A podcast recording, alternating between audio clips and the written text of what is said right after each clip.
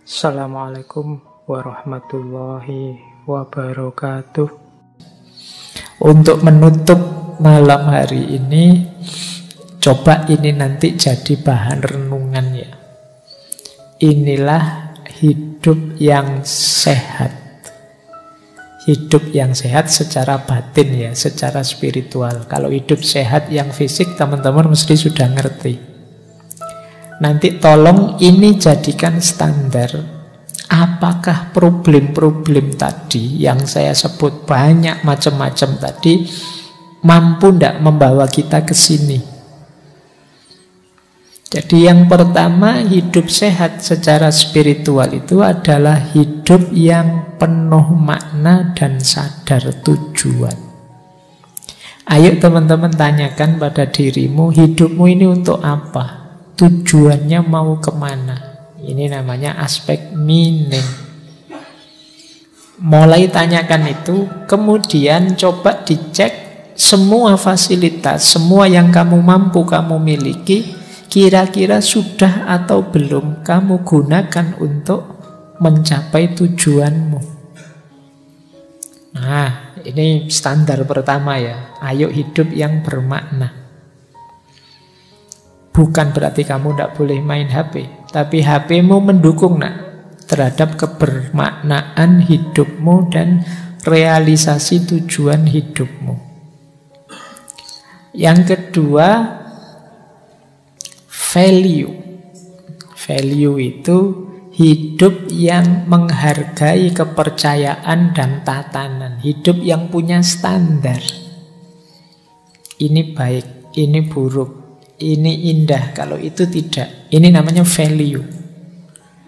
Kita diminta untuk hidup ini punya nilai. Biasanya untuk punya makna itu harus ada yang bernilai.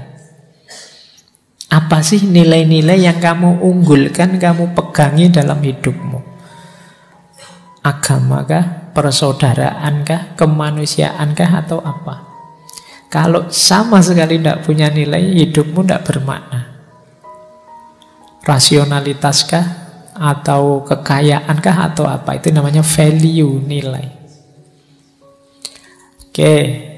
Nah, yang ketiga, transcendent.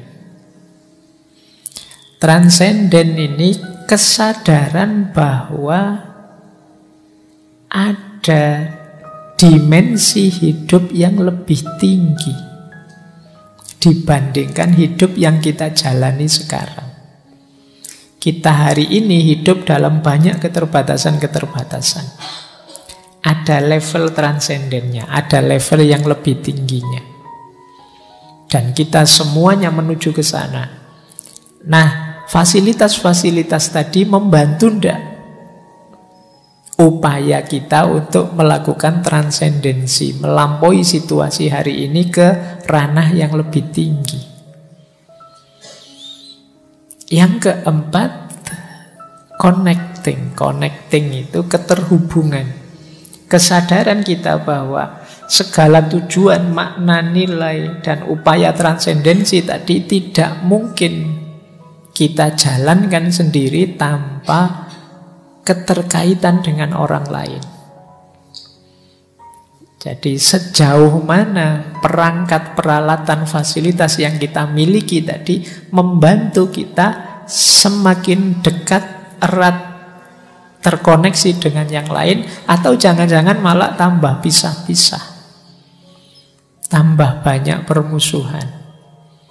Nah itu coba nanti dievaluasi. Dan yang terakhir becoming. Becoming itu hidup yang baik adalah hidup yang tambah lama tambah baik.